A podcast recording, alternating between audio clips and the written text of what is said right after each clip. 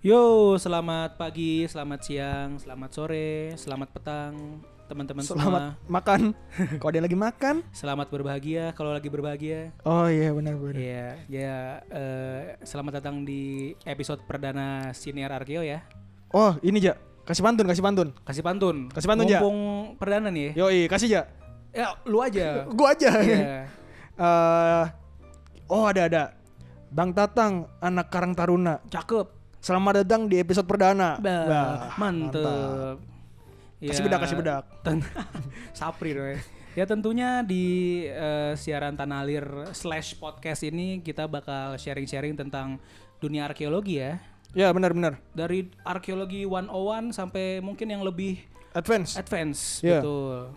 Tapi namanya episode perdana mungkin kita bahas dari yang eh jangan terlalu advance kali ja. Iyalah, Ah. yang nyantai-nyantai dulu aja. Santai-santai. Nyantai tapi oke lah gitu. Nyantai tapi berat. Gimana tuh? Gimana tuh? ya, pokoknya nggak inilah, nggak nggak nggak kaleng-kaleng lah yang dibahas. Gak kaleng-kaleng benar. Hmm. Nah, pengennya sih kayaknya episode satu ini bagusnya bahas tentang seni dan kaitannya dengan eh bukan kaitannya ya, seni dan di pandangannya dari agama Islam. Wah boleh tuh. Soalnya eh, yang yang kita denger nih ya sebagai kaum amatir ini Ya, bahwa seni itu pro kontra banget gitu di agama Islam. benar benar benar. Apakah bener nggak sih kayak gitu? Iya. Nah, nih salah satu contohnya kalau dari segi musik ya.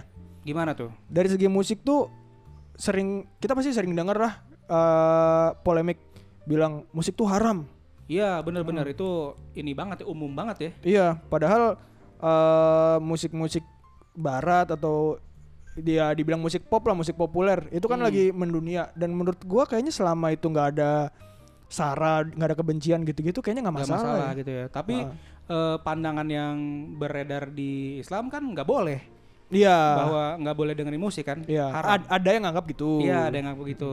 So- Oh, gini, salah satu contohnya di di dalam satu karya sastra aja. Nah, Iya, apa tuh apa tuh? itu ada novel judulnya Midah si Manis Bergigi Emas. Bukan si manis jembatan Ancul.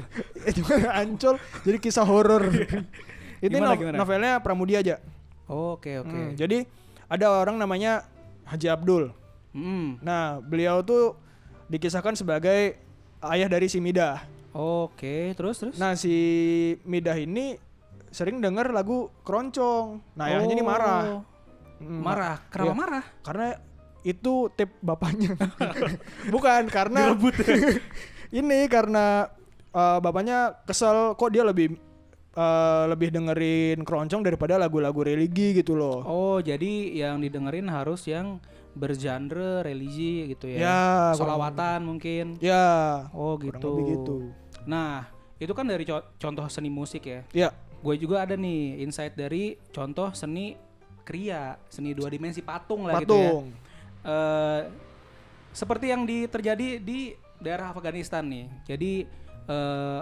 ada sebuah kelompok bersenjata, sebuah apa? Sekelompok ya, sekelompok, Sekelompok, bersenjata sekelompok. Ah. yang apa ya melakukan perusakan-perusakan terhadap tinggalan-tinggalan patung. oh gitu Dan tinggalan patung ini ya bisa dibilang artefak lah gitu. oh iya sih Nah. Iya, dia tinggalan dari eh, dari kerajaan yang pernah berjaya sebelumnya mungkin Mm-mm. gitu.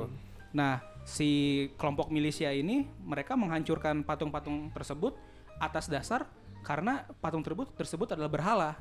oh Kalau lu pernah dengar kelompoknya namanya Taliban. Iya, Dan- iya, iya. Dan eh, penghancurannya itu dilakukan terhadap patung Buddha Gautama di Afghanistan. oh Nah, terus disuruh apa? Mereka itu bergerak atas dasar perintah pemimpinnya sendiri. Oh. Namanya tuh Mullah Muhammad A- Omar kalau pernah dengar. Nggak pernah kan? nggak nggak pernah lah iya. ya, ya gitu dah pokoknya. iya iya iya. ngomong-ngomong patung nih ja Kenapa tuh? gue mau bahas tentang salah satu bangunan masjid di Cipularang. Kenapa Ngomong-ngomong patung? patung kenapa ke bangunan? Iya, kenapa ya. tuh? Jadi ada masjid di Cipularang itu namanya Masjid Al Safar. Ah, kenapa kenapa? Masa disebutnya masjid eh, Illuminati ja? Kenapa disebut Illuminati? Karena banyak ornamen segitiga. Oh, jadi wah ini dia nih apa entah kenapa eh, topik-topik seperti ini selalu erat dengan teori konspirasi. Nah, bahkan ya di Garut tuh disebut sebagai Garut kota Illuminati loh. Iya benar. Garut itu selalu jadi sasaran teori-teori konspirasi ini. Per- ada yang bilang Hitler meninggal di Garut, Nah, ada yang bilang Garut kota iluminasi Freemason pulang bayar. bayar. Lu sebagai orang Garut gimana sih? Gue orang Karawang. Oh, orang Karawang. Tapi narasumber kita dari Garut cuy. Oh gitu. Iya, mungkin langsung bisa kita tanyakan apakah benar Garut kota il- Illuminati atau kota jaket kulit. kota jaket kulit iya, iya. Iya. iya. Nah, tapi kalau kita balik ke topik nih, Ja. se- Hmm. Sebenarnya kan kayaknya tuh Islam nggak nggak anti-anti amat sih sama seni ya. Seakan-akan anti tapi ya. Iya. Apa oknum doang nih? Iya, mungkin ada beda pendapat aja sih. Iya benar. Mm-mm. Ya, ya harusnya enggak sih, harusnya enggak enggak anti. Iya. Soalnya di Islam seni kan banyak seni yang berkembang dari Islamnya sendiri. Iya. Contoh kaligrafi. Heeh. Seni musiknya ada seni musik gambus, Gambus, ada Marawis. marawis, Iya. dan yang lainnya gitu. Iya. Jadi tapi kok ada pro kontra gitu. Hmm. Ya mungkin itu eh, kita bahas sama narasumber ya. Boleh. Karena kalau kita yang bahas ya kita bukan bidangnya lah ya. Kita Iya. bukan ahlinya. Kita kan ahli ini perkapalan. kita ahli perkapalan. iya. Jadi kayaknya gua aja deh ya kali ya yang ngomong ya. Iya, boleh, boleh. Ini sorry sorry nih. Soalnya kan kita lagi praktis social distancing. Bener. Jadi eh, lu minimal kan di satu ruangan berdua gitu ya. Lima sih. Oh berlima ya? Iya. ya lebih sedikit lebih baik. Ah, iya. Iya. Dan mic cuma dua. Dan mic cuma dua. iya. Ya udah mau silakan memandu konco-konco kental untuk sharing dengan narasumber. Eh, gua sign out dulu. Oke, thank you aja ya. Oke, dah. Yo.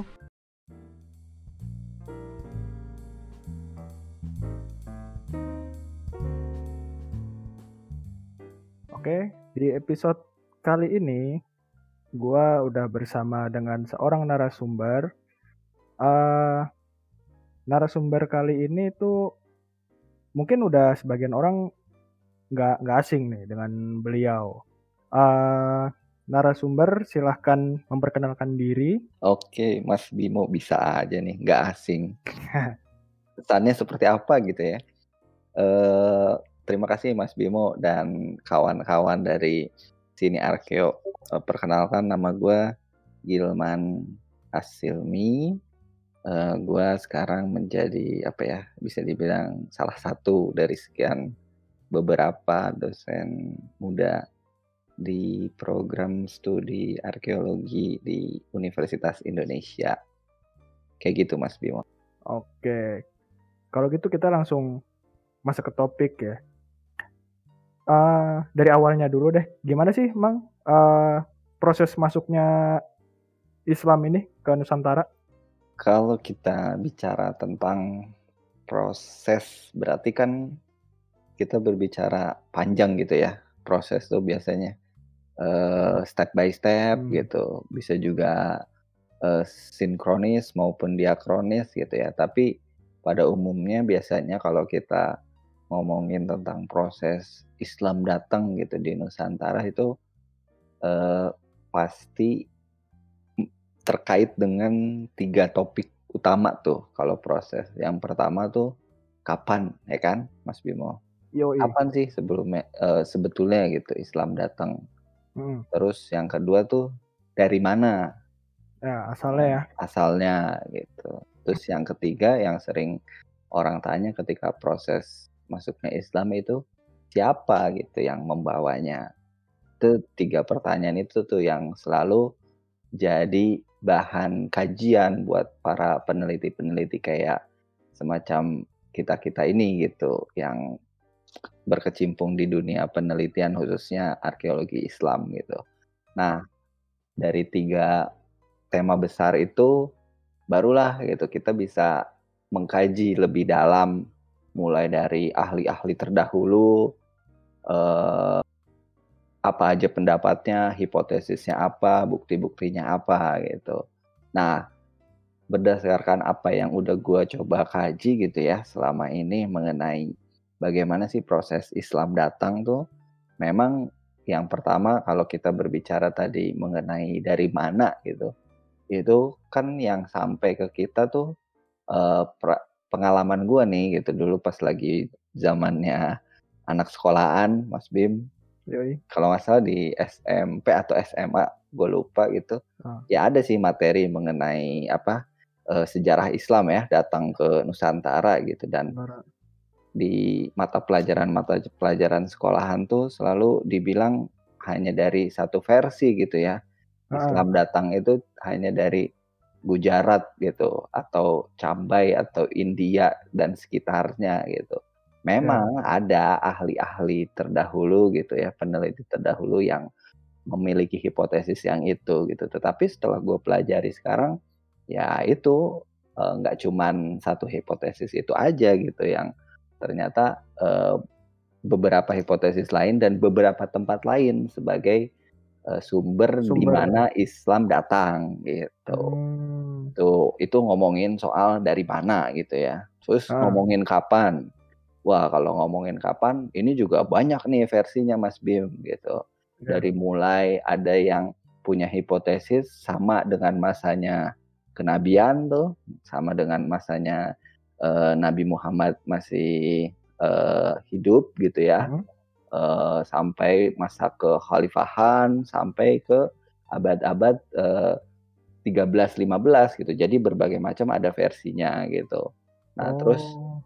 itu dua tuh kan eh, tadi dari mana dan itu kapan. Terus yang ketiga siapa gitu. Nah, siapa tuh eh, sama mungkin sebagian eh, apa ya siswa maupun mahasiswa gitu yang belajar tentang sejarah masuknya Islam, proses masuknya Islam eh, memang banyak textbook yang berbicara satu versi aja gitu mengenai siapa yang membawa. Dan kita selalu terngiang-ngiang pedagang gitu ya. Ya, pedagang Arab gitu pedagang Arab gitu. Pedagang Arab yang singgah di eh, wilayah Nusantara mereka sing eh, mereka singgah lalu mereka eh, berbaur menikah gitu ya terus dan terusnya dan seterusnya gitu. Nah itu sebetulnya bisa jadi gitu satu versi tapi ternyata banyak versi-versi lain selain pedagang gitu nah mungkin kalau ada waktu kita bahas tapi kurang lebih seperti itu kalau mau menjawab pertanyaan pertama dari Mas Bim tuh mengenai proses seperti apa sih gitu. Jadi eh, sebenarnya proses masuk ke Islam ini bukan bukan hanya satu ya, tapi teori tersebut tuh ada teori-teori lain yang itu tadi eh, dari siapanya mungkin ada beberapa agen, dari mana mungkin ada beberapa tempat, kapannya pun juga ada beberapa teori yang punya pendapat-pendapat lain gitu ya, Mang. Betul. Tapi eh, ngomong-ngomong kan teorinya banyak, namanya teori berarti ada buktinya dong. Buktinya sendiri apa aja sih, Mang? Islam tuh masuk di Indonesia. Oke. Nah karena eh, ini kita konteksnya erat dengan arkeologi ya, jadi mungkin gua akan eh, apa ya ngasih tahu bukti-bukti arkeologisnya ya, jadi supaya lebih eh, lebih mengena aja gitu. Sebetulnya kalau kita bicara bukti eh, banyak bukti-bukti selain arkeologis gitu. Bukti-bukti lainnya seperti misalkan berita-berita gitu atau sumber-sumber sejarah gitu, tekstual itu juga bisa bisa sebagai bukti gitu. Tetapi eh, mengenai otentisitasnya perlu perlu dikaji lebih mendalam gitu ya. Eh, nah kalau kita berbicara temuan arkeologi kan berarti kita berbicara bendanya gitu yang ada ditemukan di wilayah Nusantara ini yang itu sudah menunjukkan otentisitas gitu bahwa benda itu asli sudah kita kaji sedemikian eh, maksudnya ada pengecekan bahwa benda arkeologi ini asli dan ternyata bisa menunjukkan itu tadi kembali lagi kan bukti adanya Islam di Nusantara gitu. Nah, kalau kita berbicara secara kronologi nih Mas Bim. Ha. Jadi eh, ada beberapa tadi gue udah bilang kan di awal ada yang berpendapat bahwa eh, Islam udah datang tuh abad-abad ke-7 kan sekitar eh, 600 sekian Masehi gitu ya. Itu sama dengan masa Nabi Muhammad masih, Masih ada hidup ya. gitu atau mungkin khalifah-khalifah gitu ya, masa Utsman atau masa Ali gitu yang eh, ketika di Timur Tengah gitu. Nah, tetapi kalau kalau berbicara mengenai eh, Islam datang di abad awal kenabian itu memang bukti pendukungnya hanya berdasarkan dari beberapa sumber-sumber sejarah gitu. Jadi kayak semacam berita Cina ada menjelaskan dari zaman uh, dinasti Tang memang sekitar abad-abad ke-7 itu menjelaskan bahwa uh, ada utusan dari dinasti yang datang ke wilayah saya lupa namanya uh, nama Cinanya tetapi uh, di berita itu dijelaskan utusan itu datang ke wilayah yang para ahli menginterpretasi, menginterpretasi itu menjadi wilayah Sumatera sekarang gitu. Jadi uh, Melayu itu Sumatera. Nah, dari ya. berita Cina itu dijelaskan bahwa uh, utusan itu melihat uh, masyarakat di wilayah itu sudah menggunakan pakaian yang sama dengan pakaian yang ada di Timur Tengah gitu yang sudah uh, penduduk mayoritasnya Muslim gitu. Jadi dari situ para ahli berpendapat bahwa oh ternyata wilayah Nusantara pada saat itu abad ke-7 sudah ada gitu. Setidaknya didatangi oleh udah uh, pernah uh, pernah tahu ya. Betul. Itu yang berpendapat abad ke-7 gitu. Lalu selanjutnya uh, ada lagi yang berpendapat Islam datang dan masuk ke Nusantara itu di abad ke-11 gitu.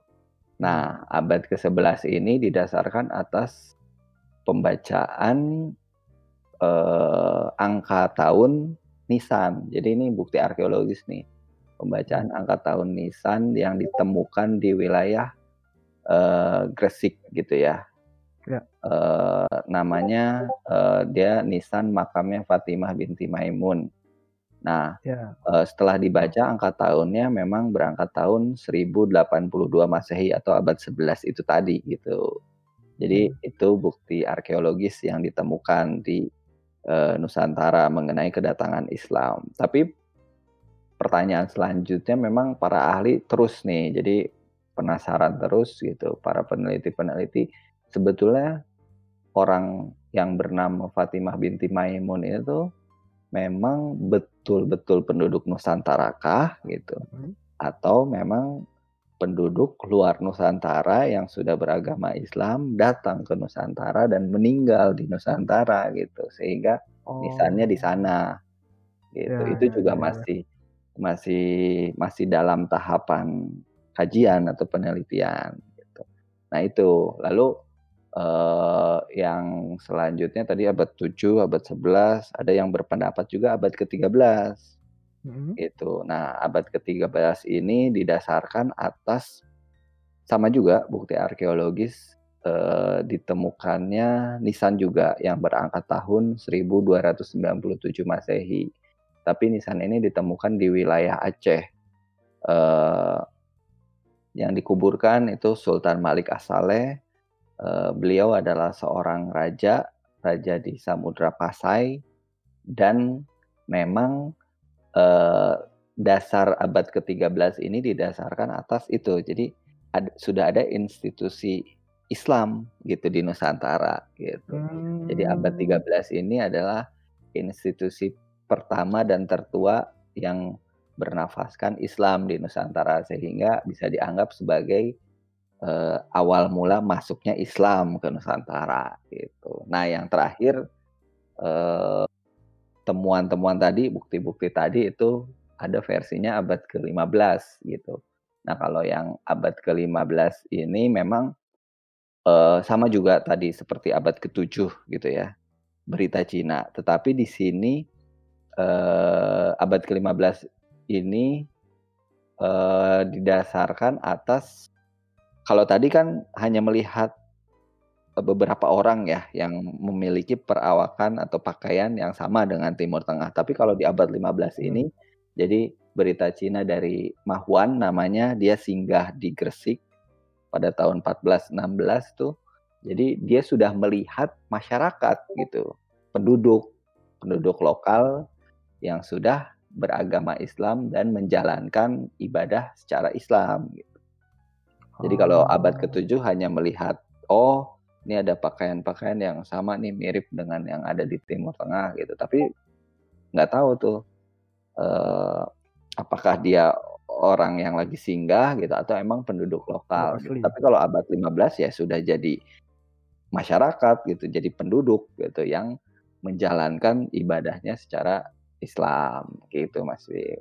Eh, eh, iya eh, terkait itu gue ingat tuh dulu waktu masih sekolah eh, bukti Islam itu dikaitin dengan makam Fatimah binti Maimun itu ya tulisan. Nah itu eh, berarti sampai sekarang pun masih tahap penelitian siapakah sebenarnya Fatimah binti Maimun? Apakah orang eh, luar yang datang kemudian meninggal di Nusantara atau memang penduduk Nusantara yang udah memeluk agama Islam gitu ya Mang ya? Betul.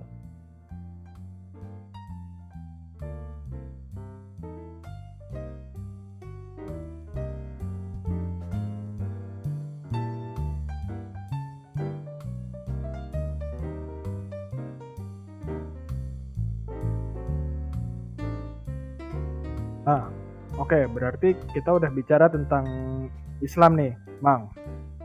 Yap. Dalam Islam sendiri sebenarnya ada istilah seni nggak sih dalam agama Islam? Waduh, nih udah kayak ini nih pertanyaannya nih. Cocok ke Habib kayaknya ya. Tapi, gue juga nonton tuh, Mang. Eh, mm-mm, tapi ya udah se- sebisanya gue aja ya kapasitas Iya. gue sebagai arkeolog muda aja nih yang menggeluti Islam. Jadi kalau berbicara mengenai sebetulnya di Islam itu ada nggak sih seni gitu ya? Hmm. Yang jelas pasti ada, karena itu bagian dari sebetulnya kalau kita berbicara mengenai meskipun gitu ya, kalau kita bandingkan Islam dengan misalkan kalau dalam konteksnya di Nusantara ya kita contohnya gitu ya kan sebelum Islam datang yang ada di Nusantara tuh eh, Hindu dan Buddha gitu ya secara kepercayaan. Ya. Nah bagi Hindu dan Buddha memang seni itu adalah bagian dari ajarannya gitu ya Hindu maupun Buddha gitu. Nah tetapi kalau di dalam Islam memang seni ini menjadi suatu bisa dibilang kalau bahasa gua sendiri nih ya media gitu bukan Hmm. berarti bagian dari ibadah tetapi media untuk supaya si eh, penganutnya gitu atau eh, orang muslimnya ini bisa lebih mendekatkan diri gitu medianya lewat salah satunya seni gitu. Kalau gua eh, apa mencoba untuk eh, menjelaskannya gitu ya dari bahasa gua karena berdasarkan apa yang gue coba kaji memang kalau kita berbicara istilah seni Islam Mas Bim Iya. Itu memang eh, istilah yang masih abu-abu gitu Hmm. baik eh, di Indonesia maupun di dunia kajian eh, history of art gitu ya. Ya. Nah, abu-abunya di mana? Jadi kalau kita lebih dalam mengkaji mengenai sejarah seni Islam, kajian terhadap seni Islam, gitu, ternyata setelah gua coba telusuri lebih dalam, istilah seni Islam itu sebetulnya istilah yang muncul oleh ilmuwan-ilmuwan Barat gitu Hmm. bukan berarti dari ilmuwan-ilmuwan internal Islam sendiri gitu karena ilmuwan-ilmuwan atau kaj- pengkaji-pengkaji dari dunia Islam sendiri tidak menganggap itu bagian dari seni Islam gitu Oh. menganggapnya itu bagian dari seni misalkan ketika berkembangnya Persia ya seni Persia gitu ya Iya. ketika berkembangnya dinasti Utsmani ya seni Utsmani gitu ya ketika Hmm. berkembangnya Abbasiyah gitu seni Abbasiyah gitu jadi Iya. memang ketika berkembangnya suatu seni di wil- satu wilayah ya itu gitu bukan bukan diidentikan dengan Islam sebagai religinya gitu karena di dalam Islam sendiri tidak ada mengenai kaidah-kaidah kesenian misalkan bangunan gitu ya mesti seperti apa bangunan ibadah tidak ada gitu secara eh, secara detail gitu nah makanya si istilah seni Islam itu sebetulnya muncul dari eh, ilmuwan-ilmuwan Barat yang mengkaji terhadap objek-objek seni Islam yang ada di dunia atau wilayah yang mayoritas penduduknya Muslim gitu. Jadi Oh. kalau kita lihat perjalanannya yang gua coba pahami gitu ya. Mhm. Momennya itu ketika era-era 70-an. Jadi 70-an. 70-an itu ketika eh, minyak bumi tuh oil and gas tuh menjadi komoditas yang paling diincar gitu ya sedunia. Makanya ketika masa itu 70-an Timur Tengah sangat seksi bagi dunia Oh. barat gitu kan. Karena ada minyak buminya itu. Nah, memang awal mulanya eh, orang-orang barat itu datang ke Timur Tengah karena untuk minyaknya gitu. Sumber Hmm. daya alamnya gitu yang sangat melimpah. Tetapi lama-kelamaan kan mereka mempelajari itu juga gitu ya kebudayaan-kebudayaan termasuk tinggalan-tinggalannya gitu. Nah, kalau Hmm. kita berbicara mengenai sebelum 70-an, Mhm. kita berbicara mengenai kalau di arkeologi itu antiquarian ya. Iya. Gitu. Jadi ada juga gitu yang peneliti eh, peneliti barat berbarengan dengan eh kalau kalau di kita tuh apa? eh, penjajah ya, penjajahan gitu Iya. ya di dunia ketiga gitu. Heeh. Nah, ada dunia ketiga itu ya eh, mayoritas muslim, pernah ada institusi kerajaan Islam gitu. Lalu tinggalan-tinggalannya dikaji sama diambil lalu dikaji gitu ya. Tetapi memang itu lebih kepada antiquarian sih. Jadi lebih mengumpulkan gitu ya barang-barang yang eh, barang-barang berharga gitu ya, harta karun-harta karun itu. Tetapi setelah 70-an baru berpindah tuh, bergeser tuh trennya gitu dari yang tadinya hanya collecting gitu menjadi semakin penasaran gitu. Sebetulnya apa sih gitu seni Islam itu gitu. Makanya muncul di dunia barat tuh istilahnya kalau kita ya program studi lah ya, jurusan-jurusan yang mengkhususkan ke kajian seni Islam gitu. Nah, istilah seni Islam tuh sebetulnya muncul dari eh, ilmuwan-ilmuwan barat gitu. Nah, kalau Oh. kalau secara apa ya definisinya gitu ya, oh, berat banget definisi karena obrolan kita ringan ya.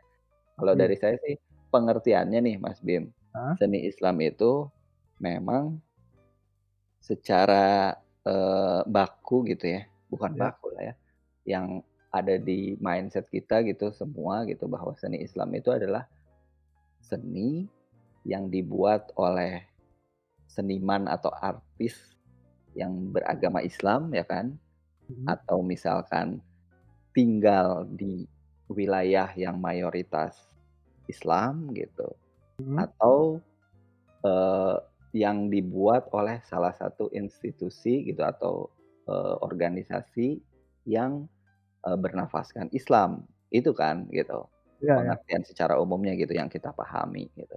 Nah Iya. sebetulnya pengertian itu eh, di apa dipertanyakan ulang lagi gitu.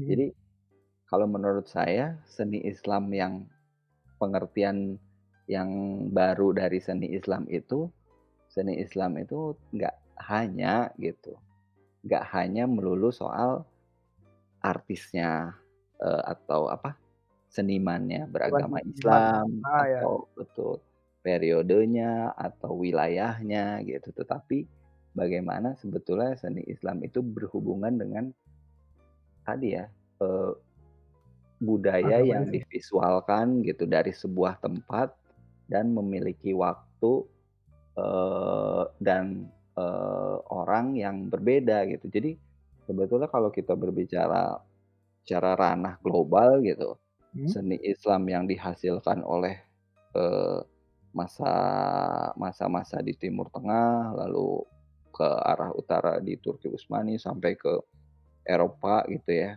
Andalusia, terus bahkan kan di Asia Tenggara sampai ke eh, wilayah Asia Timur pun pasti secara visualnya kan berbeda gitu. Kita Iya. nggak bisa mengeneralisir ya kayak misalkan Mas Bimo gitu ya, Iya. datang ke Istiqlal, ya Ah. kan? Nih Iya, iya, Istiqlal benar. arsiteknya siapa nih? Kan pasti nanya gitu ya. Wah Masjid Istiqlal arti- arsiteknya siapa nih? Ternyata Masjid Istiqlal kan arsiteknya Pak Silaban tuh. Ah, Pak Silaban kan non Muslim Muslim. gitu. Nah apakah si Masjid Istiqlal ini kalau dengan pengertian yang awal, iya, bukan seni Iya, Islam iya. dong kan? Kalau Iya, dengan benar. pengertian awal gitu. Tetapi ya Iya. itu tadi kalau gue sih berpendapat bahwa kita nggak bisa memberikan terminologi ini seni Islam gitu, susah gitu. Tapi Hmm. mungkin bisa eh, memberikan terminologi baru seni eh, apa ya? Eh seni yang eh, dibuat itu tadi gitu, yang berhubungan ada eh, Mengandung, mengandung elemen-elemen Islam gitu ya. elemen-elemen Islam lah bisa dibilang seperti itu. Itu sih Mas Bim. Eh, berarti di Nusantara ini ada seni Islam sendiri nggak sih, Mang? Dan dan perkembangannya tuh sama nggak kayak tadi kan ada apa banyak daerah-daerah yang eh, terpengaruh eh, yang yang ada seni Islamnya gitu ya. Tergantung dengan tergantung dengan kondisi-kondisi eh, entah geografi, demografi dan segala macam faktor lain di daerah-daerah tersebut gitu. Itu kalau di Nusantara sendiri tuh sama nggak sih perkembangannya dengan mereka pesatnya gitu loh? Apakah uh, Islam tuh seninya sama-sama mudah diterima atau gimana gitu, Bang? Eh kalau apa yang berdasarkan gua eh, pelajari gitu ya, Hmm. bagaimana eh, Islam di Nusantara seberapa besar gitu ya perkembangannya.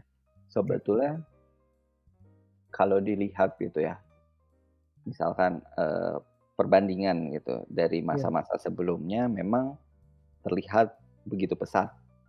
Ah, Terbukti dengan paling mudah sih eh, bisa dibilang ya institusi kelembagaannya lebih banyak gitu dari yang sebelumnya. Walaupun kita nggak tahu sebetulnya bukti arkeologisnya kan eh, apakah yang sebelumnya lebih banyak atau sama gitu. Itu belum belum sam- belum- sampai sekarang kan belum berhenti juga kan penelitiannya gitu. Tetapi Ya. eh, setidaknya gitu sampai saat ini menunjukkan bahwa secara institusi kelembagaan eh, lebih luas gitu ya dari mulai Sumatera sampai ke wilayah timur eh, Nusantara tuh ada gitu ya institusi kelembagaannya gitu. Nah bisa dibilang itu sih menjadi eh, apa tolak ukur se- eh, pesatnya gitu ya perkembangan Islam di Nusantara gitu. Tetapi kalau kita berbicara mengenai eh, seninya gitu, itu kalau gue sih melihatnya ya itu berkesinambungan gitu. Jadi kalau institusinya, jadi gini, kalau gue punya pemikiran bahwa seni itu bisa berkembang beda halnya dengan masa sebelumnya ya. Kalau masa sebelumnya memang eh, yang pemegang kekuasaan si seni itu kan sebetulnya selain penguasa juga ya, eh, ini ya eh, apa namanya si eh, orang-orang yang berkaitan dengan religi gitu ya, pendeta dan lain sebagainya gitu ya. Dari Iya, iya. kelompok eh, dua kelompok itu gitu. Tetapi kalau kita berbicara masa Islam, nah sudah tidak ada lagi gitu kelompok yang eh, eksklusif itu gitu. Jadi seni itu bisa diakses oleh siapa pun gitu. Hmm, ya, ya, ya. Masyarakat biasa pun gitu asalkan dia punya keinginan untuk belajar gitu datang ke eh, bisa dibilang ulama gitu ya atau kiai gitu masa lalu terus belajar mengenai tidak hanya agama tetapi ada seninya juga gitu. Misalkan ke siapa? Sunan Bonang gitu belajar mengenai wayang dan lain sebagainya gitu. Pasti kan aksesnya lebih terbuka gitu lebih inklusif gitu. Nah, Oh, kalau iya, menurut gua itu menjadi tolak ukur bagaimana pesatnya gitu. Is- Islam eh, seni Islam berkembang berbarengan dengan Islamnya itu sendiri gitu Mas Bim. Jadi kalau Oh, bisa dibilang pesat sangat pesat gitu pada masa Islam itu. Karena kalau kita berbicara mengenai antara eh, ajaran eh, ibadah dan juga seni itu sendiri gitu di dalam Islam meskipun dibedakan tetapi dalam prakteknya masyarakat Nusantara gitu bahkan sampai sekarang menjadi Indonesia ada beberapa yang saling eh, istilahnya apa ya bukan berseberangan eh, berbarengan gitu beririsan sorry sorry beririsan gitu oh, antara praktik kesenian dengan praktik eh, ajaran atau ibadah gitu. Agama ya. Betul, praktik keagamaan. Nah, itu salah satu juga gitu mencirikan pesatnya selain seninya itu sendiri dan juga eh, Islamnya itu sendiri. Nah, kalau satu lagi sih Mas Bim. Berbicara seni itu nggak hanya melulu soal eh, bendanya ya, tapi itu tadi gitu. Jadi praktiknya pun gitu. Kalau kita Oh. berbicara misalkan Mas Bim kayaknya kan dulu eh, siapa tahu gitu jadi eh, anggota grup nasyid gitu. Kan nasyid Oh. itu nggak terlihat kan, nyanyi gitu kan. Iya iya iya benar-benar. Nah, Ah, itu kan nggak- bagian nggak dari seni juga kan sebetulnya. bukan bendawi gitu ya. Betul, ya. Hmm, Intangible gitu ya. intangible. ibaratnya. Ah, gitu. Jadi kalau kita berbicara perkembangan seni dan juga Islamnya sendiri sebetulnya saling berbarengan gitu dan bahkan beririsan satu sama lain. eh kalau gitu di Nusantara sendiri ada nggak sih ciri khas seni Islam gitu bang yang beda yang identik oh ini Nusantara seni, seni Islam di Nusantara tuh kayak gimana gitu loh. Ada nggak sih? Hmm, Oke, oke. Kalau ciri khas sebetulnya pada prinsipnya gini, Nusantara itu kan eh, penduduknya gitu ya, sebelum kedatangan suatu budaya yang baru gitu bagi mereka, eh, pasti sudah memiliki dasar budaya gitu ya, Hmm, aspek kebudayaan tersendiri gitu. Ya. Itu kan seperti halnya dijelaskan oleh eh, siapa tuh yang menjelaskan 10 kepandaian manusia Nusantara Brandes ya dijelaskan bahwa ketika eh, si Brandes itu menjelaskan 10 kepandaian Nusantara gitu ya sebelum datangnya pengaruh budaya luar itu jelas gitu. Nah sekarang pertanyaan selanjutnya kan eh, Islam gitu datang selain religinya tentu ya. Hmm. eh, di Nusantara tadi kita ngobrolin sudah sangat pesat gitu perkembangannya. Ya. dan kenapa masyarakatnya sangat menerima kan? Benar. Itu pertanyaan nah, pertanyaan besarnya gitu. Berarti kan ada sesuatu yang dibutuhkan gitu oleh masyarakat Nusantara gitu selain religinya ya Iya. Gitu. religinya sudah jelas karena itu sudah sangat mengakar gitu kalau kita lihat sejarah dari mulai sultannya dari mulai rajanya sampai ke rakyatnya itu memeluk Islam gitu Ya. Eh, berarti kan itu sangat mengakar gitu nah kalau kita berbicara gaya hidupnya the way of life-nya gitu sampai ke eh, Islam masuk ke gaya hidup mereka berarti kan itu ada sesuatu yang mereka butuhkan gitu. Nah, jadi Hmm. Eh, kalau kita berbicara bentuk apa sih sebetulnya yang mereka butuhkan gitu selain religinya gitu. Nah, eh, aspek-aspek budaya yang dibutuhkan oleh Is- o- oleh penduduk Nusantara itu eh, pasti sesuatu yang belum pernah ada kan ya dari yang baru budaya lain gitu. Betul. Kalau kita berbicara budaya dari India gitu ya, yang jelas kan ada Hindu dan Buddha gitu ya ajarannya, terus ada apa lagi ya? Eh, aksara ya, Palawa ya. ya, ada aksara ada Betul. penang- Terus penanggalan ada ya? penanggalan, betul. Nah, penanggalan Shaka kan kalau dari India. Nah, kalau dari Islam hampir mirip-mirip juga kan, ada agamanya Islam gitu, religinya, lalu ada aksaranya Arab gitu kan. Nah, ya Ada eh, penanggalannya juga sama kan, penanggalan Islam ya, penanggalan Islam ya. Hijriah ya Betul. Nah, tiga aspek itu gitu. Nah, sebetulnya tiga aspek itu yang secara utama mempengaruhi kehidupan masyarakat Nusantara gitu ketika Islam datang. Tapi kalau kita berbicara spesifik mengenai bentuk seni Hmm. yang bendawi gitu ya. Nah, Ya. kita berbicara sebetulnya seni masa Islamnya di pusat Islam sendiri itu seperti apa sih berkembangnya gitu. Nah, kalau gue di sini coba mengkaji, jadi sebetulnya kan ada kalau kita sering dengar tuh eh, yang secara visualnya ada kaligrafi ya, Mas Bim. oh iya iya iya kaligrafi Nah, bentuk seni Islam ya kan, yang sangat khas gitu dengan Islam tuh kaligrafi gitu. Terus ada juga eh eh kita bahas satu-satu dulu deh. Kalau kaligrafi gitu ya, Hmm. setelah gua kaji ternyata kaligrafi pun bukan asli dari kesenian Islam, Mas Bim. Oh iya. Betul. Jadi kalau kita berbicara unsur yang paling utama dari kaligrafi itu kan aksara Arabnya ya. Iya, benar. Ah, aksara Nah, Arab. nah, sebetulnya kan aksara Arab itu bukan aksara yang dimiliki oleh Islam, Hmm, tapi aksara yang dimiliki oleh masyarakat kurang lebih ya wilayah Timur Tengah Timur itu kan. Ya, Dan kalau kita berbicara masyarakat di wilayah Timur Tengah, ya nggak semuanya eh, beragama Islam gitu. Bahkan ada benar. agama samawi lain gitu yang paling dominan seperti Kristiani atau enggak eh, Jews gitu ya atau Ya, Yahudi. Yahudi. Nah, Betul. Mereka sehari-hari juga menggunakan aksara itu gitu. Benar.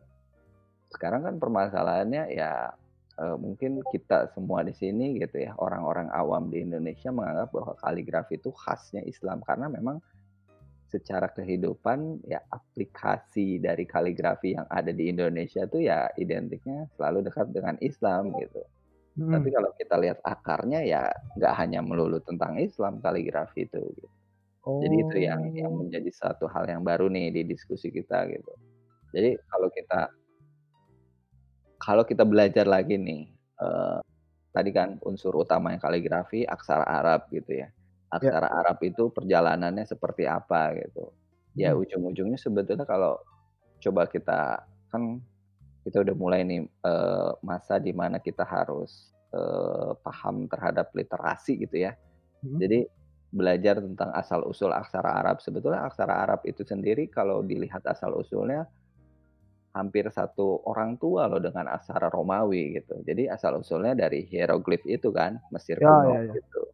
Jadi itu tidak identik dengan satu religi gitu. Dalam hal ini ya Islam, tapi ya identiknya dengan budaya gitu di satu wilayah gitu. Dan kebetulan kan karena Islam datang di Timur Tengah dan di Timur Tengah itu penduduknya mayoritas memang menggunakan aksara Arab, jadi dipakailah gitu kan aksara Arab sebagai media eh, apa menulis Al-Qur'an itu gitu. Jadi Oh. kalau berbicara sebetulnya pengertiannya gitu ya, ya kaligrafi itu seni menulis indah. Seni menulis indah. Iya, Oke. Ya, tidak hanya melulu mengenai itu ayat suci Al-Qur'an gitu. Seni menulis indah ya apa pun. Gitu. Nah, itu bentuk tadi ya, bentuk seni Islam yang hadir dan di Nusantara memang ini yang paling khas gitu ya, yang eh, sepertinya sangat erat sekali gitu perpaduan eh, maksudnya kaligrafi ini dis- diserap oleh kebudayaan Nusantara gitu dari Timur Tengah gitu. Jadi hampir tidak ada bedanya gitu kaligrafi di sana dengan kaligrafi di sini kan artinya kan seni menulis indah gitu. Itu yang selalu identiknya dengan seni Islam atau seni masa Islam. Selain kaligrafi ada sebetulnya eh, dua du, dua unsur lain gitu yang sangat penting di dalam representasi seni Islam ini, Mas Hmm. Bim. Jadi ada dua lagi tuh, ada arabes dan juga ikonoklasme. Nah ini mungkin dua istilah ini agak-agak kurang familiar gitu di telinga para awam gitu. Tetapi kedua istilah ini gitu, kedua unsur ini sangat berpengaruh banget nih di seni Islam gitu atau di penggambaran atau representasi seni Islam.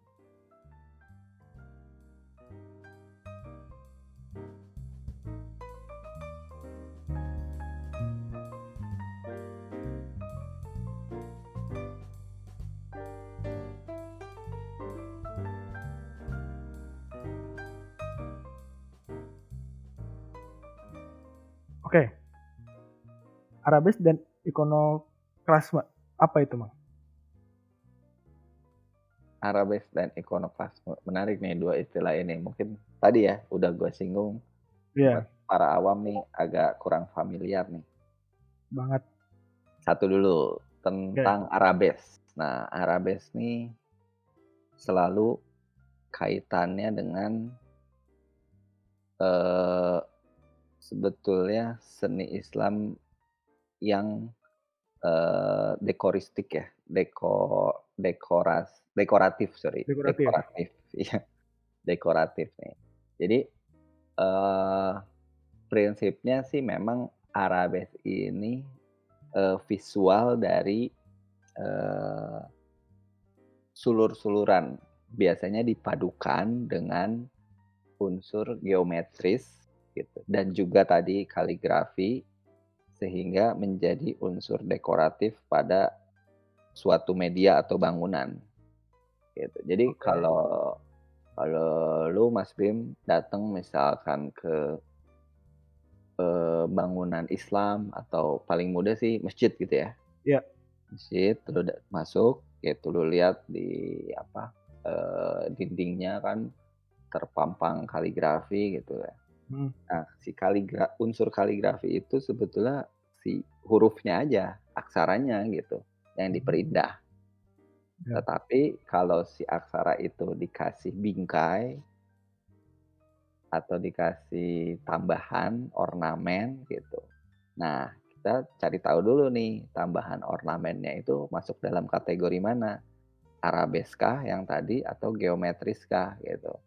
Nah, bedanya keduanya tuh kalau geometris paling mudah adalah lu lihat nih eh, si unsur di luar kaligrafisnya itu hanya berupa garis-garis gitu yang teratur Ah, atau ditambah eh, representasi kayak sulur-suluran. Jadi representasi dari tumbuh-tumbuhan oh, oke. gitu. Nah, kalau misalkan ada unsur tumbuh-tumbuhan, nah itu arabes namanya. Gitu. Jadi nah, si arabes ini kadang dipadukan juga sama si unsur geometrisnya. Jadi kalau kita lihat kayak daun gitu ya. Hmm. Si daunnya itu diulang-ulang terus dibikin gayanya kayak eh, melingkar, setengah melingkar, setengah melingkar, setengah melingkar dan lain sebagainya gitu. Jadi nah itu arabes dipadukan dengan geometris. Hmm. Jadi si daun-daunnya setengah melingkar, berpola terus-menerus gitu. Nah, jadi pola setengah melingkarnya itu dari geometrisnya, si arabesnya, si sulur-sulurannya itu daun-daunannya. Jadi arabes itu sebetulnya eh kalau secara historisnya gitu ya, Hmm. arabes itu diaplik di eh, diadopsi dari seni Romawi, gaya bangunan Romawi. Jadi kalau Mas Bim bayangin nih ke bangunan-bangunan Romawi kan pilar-pilar ya, Iya. kolom-kolom pilar gitu ya. Bangunan-bangunannya tuh di Romawi, di Yunani gitu. Nah, Iya. itu bagian ujungnya ada kayak semacam daun-daunan tuh.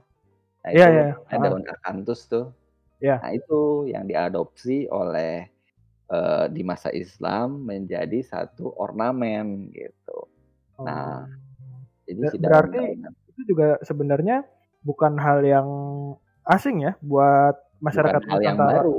Iya, Heeh. bukan hal yang baru, betul. Hanya adopsi saja kan. Sebetulnya sebelum masa eh, sebelum masa Islam pun sudah dikenal itu gitu.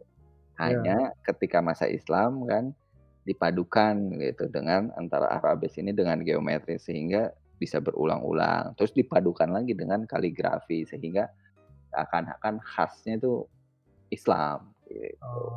Jadi sebetulnya unsur-unsur atau bentuk-bentuk seni Islam yang paling utama ini kan paling dasar ciri khasnya Islam banget gitu. Tapi kalau setelah gua kaji tuh ya setelah dipretelin gitu ya masing-masing unsur ya ada historisnya sendiri-sendiri gitu dan nggak ada kaitannya sama sekali dengan Islam awalnya Hmm. gitu.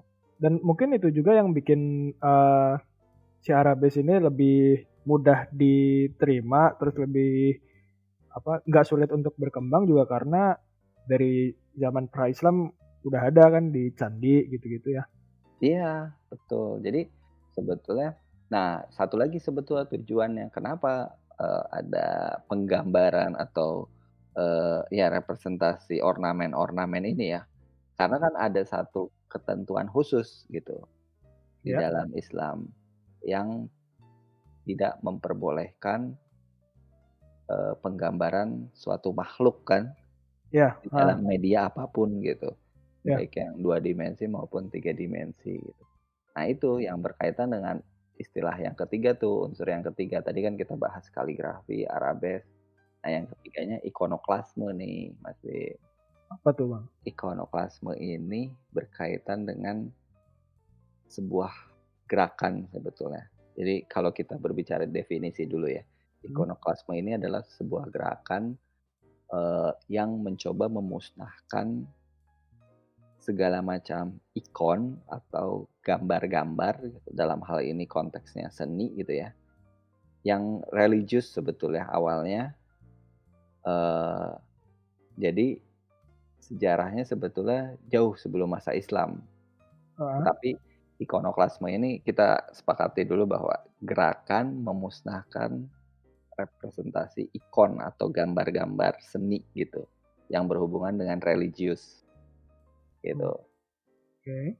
Nah, perjalanannya gitu, ikonoklasme ini sebetulnya tidak hanya diadopsi oleh ajaran Islam aja gitu.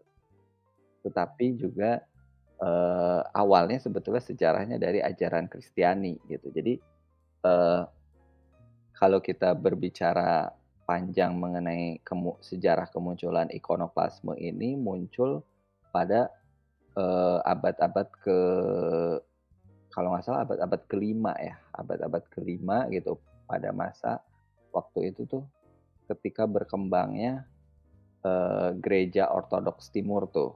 Jadi masa eh, gereja Kristen Ritus Timur gitu. Jadi mereka mempersoalkan mengenai representasi ikon atau gambar-gambar eh, yang berhubungan dengan tokoh-tokoh Kristiani gitu.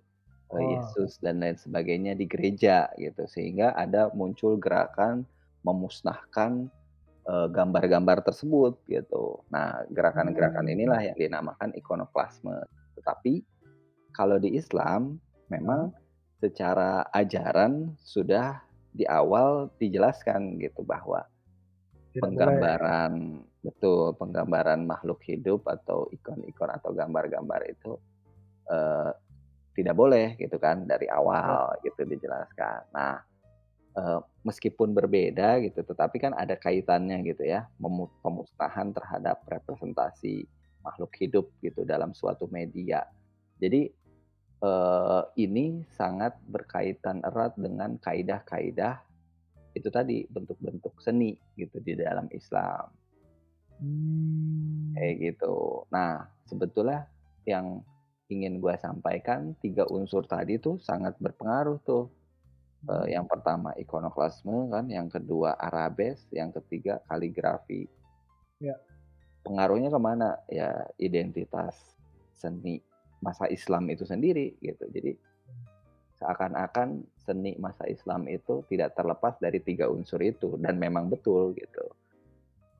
Nah pertanyaan selanjutnya kan apakah di Indonesia atau di Nusantara betul-betul menggunakan berprinsip kepada tiga unsur itu?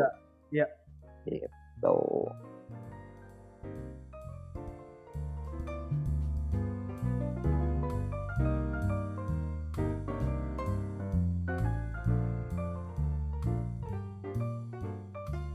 Nah, kita udah bahas banyak tentang seni Islam, terus seni Islam di Nusantara. Kita balik lagi, kita kan berangkat dari arkeologi nih emang, yang berarti nggak terlepas dari materi gitu. Eh, tinggalan apa sih yang eh, berkaitan dengan seni Islam yang sampai sekarang tuh masih ada gitu? Hmm, Oke. Eh, kalau berbicara tentang tinggalan seni masa Islam ya di Indonesia tuh, Ya. kita berbicara banyak aspeknya gitu ya. Eh, mulai dari seni bangunan misalkan. Seni bangunan tuh eh, berbagai macam ya. Dari mulai bangunan ibadahnya, masjid dengan gaya masing-masing gitu di satu wilayah bisa dengan gaya sendiri di wilayah lain dengan gaya yang berbeda juga gitu. Ya. Kayak semisal kalau kita berbicara masjid-masjid kuno di Jawa tentu sangat berbeda dengan masjid-masjid kuno di Sumatera gitu. Kalau masjid-masjid kuno di Jawa kebanyakan beratap tumpang gitu kan, terus Hmm. eh, pondasi masif, berdenah bujur sangkar dan lain sebagainya gitu. Ya. Kalau kita berbicara masjid-masjid di wilayah Sumatera tuh sudah mulai mengenal mengenai atap kubah ya kan. Eh, Ya. terus tidak hanya melulu berdenah segi empat gitu. Eh, jadi eh, ini yang menarik sebetulnya tinggalan-tinggalan arkeologis ini gitu.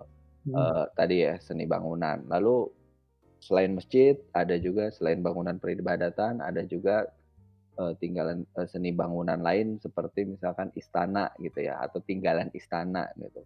Oh. Itu masih banyak kita temui kan hingga sampai sekarang gitu. Bahkan ada beberapa istana-istana yang hingga sekarang masih digunakan gitu. Seperti misalkan eh, Ngayogyakarta ya kan, Surakarta gitu. Ya. Cirebon itu kan masih digunakan hingga sekarang dan ada gitu institusinya. Itu eh, dari seni bangunan itu kita bisa melihat dari mulai bagian depan, bagian tengah sampai bagian belakang atau bagian dasar, bagian tengah sampai bagian atap gitu. Itu menjadi bisa menjadi banyak kajian gitu bagi para peneliti maupun mahasiswa gitu ya terhadap eh, yang ingin men- me- mengkaji lebih dalam mengenai seni Islam khususnya seni bangunan gitu. Ya. Terus kita berbicara juga mengenai selain seni bangunan ada seni ukir. Hmm. Seni ukir ini banyak eh, biasanya eh, yang pertama itu berbarengan dengan eh, komponen bangunannya itu sendiri gitu ya. Ya. Misalkan ukiran-ukiran yang ada di masjid atau di istana yang tadi gitu ya.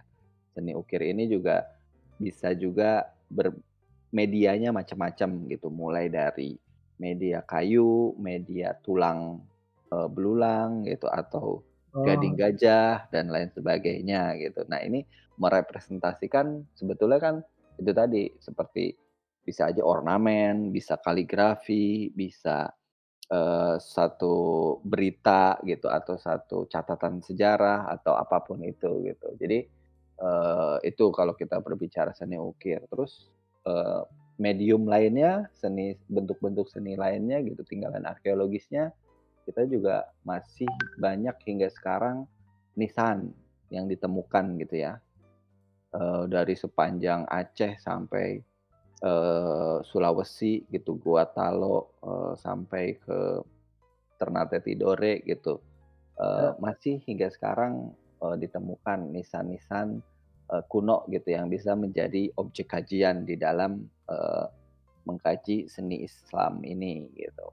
Eh, Hmm. lalu tinggalan-tinggalan lainnya, eh, kalau kita berbicara eh, terkait tinggalan-tinggalan arkeologis, eh, kita berbicara juga mengenai eh, media-media lain selain itu. Misalkan eh, kita berbicara mengenai koin gitu ya, hmm. itu juga bagian dari seni Islam kan, Ya, karena ya. ada unsur seninya gitu, koin-koin perdagangan gitu ya, masa misalkan kerajaan Samudra Pasai atau masa Kesultanan Banten mereka mengeluarkan gitu.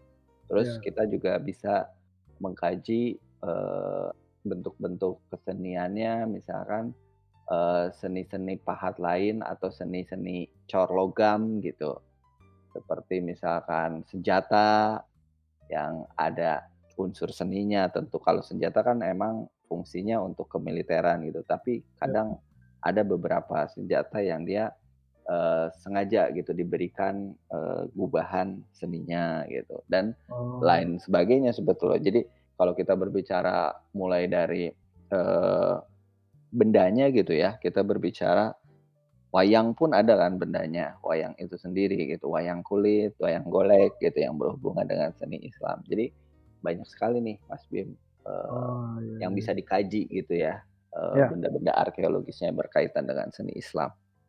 Hmm. Kemudian berarti eh, sejauh apa pa- eh, peran dari ilmu arkeologi ini dalam mempertahankan eh, tinggalan-tinggalan tersebut, Mas?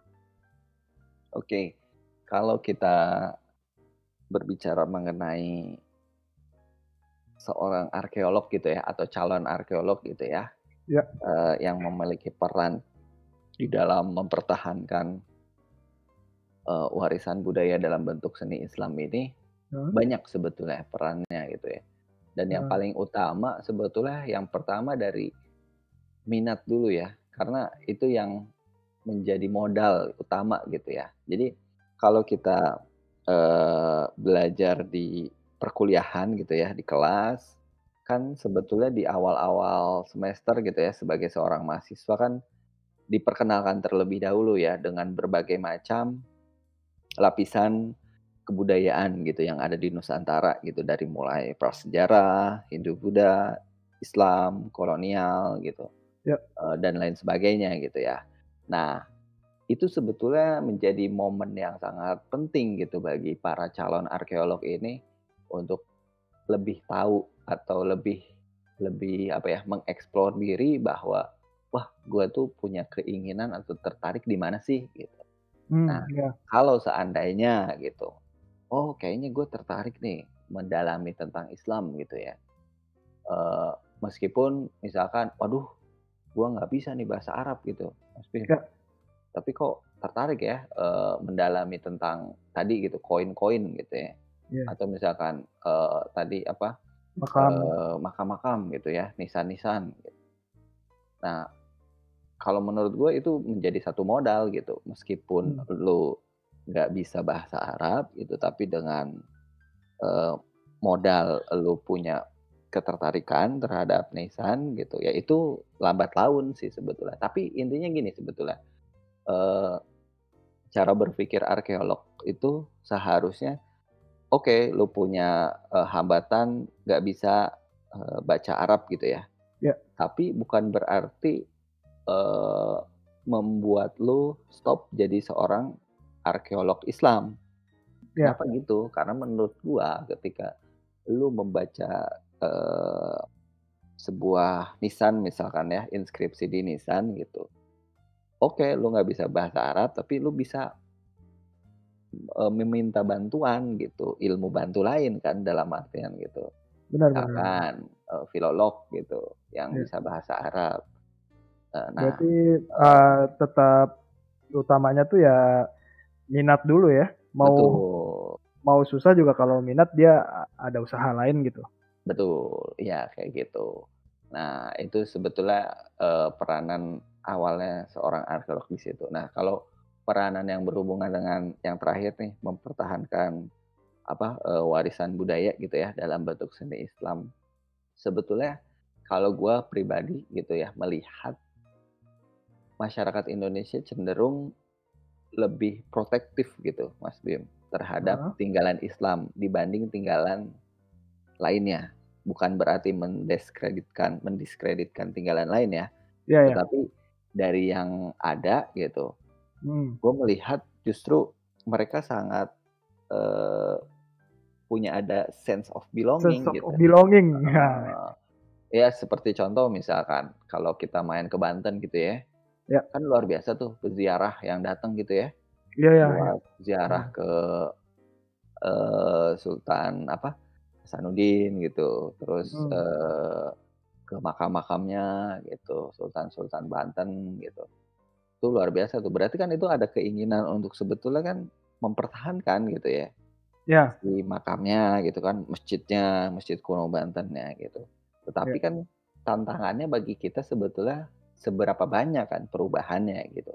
Karena Ya. seiring berjalannya waktu, ketika mereka membutuhkan itu gitu dan kapasitasnya nggak mencukupi gitu, akhirnya terpaksa kan diubah gitu atau diperbesar atau eh, dipercantik gitu. Ta- Hmm. Nah itu yang kalau menurut gua tantangan ke depan buat kita gitu ya, eh, Hmm. arkeolog-arkeolog Islam itu sebetulnya seberapa seberapa bisa sih kita mempertahankan keasliannya gitu. Kasihan. Oh iya iya. Karena ada beberapa kasus juga yang eh, pernah terjadi gitu.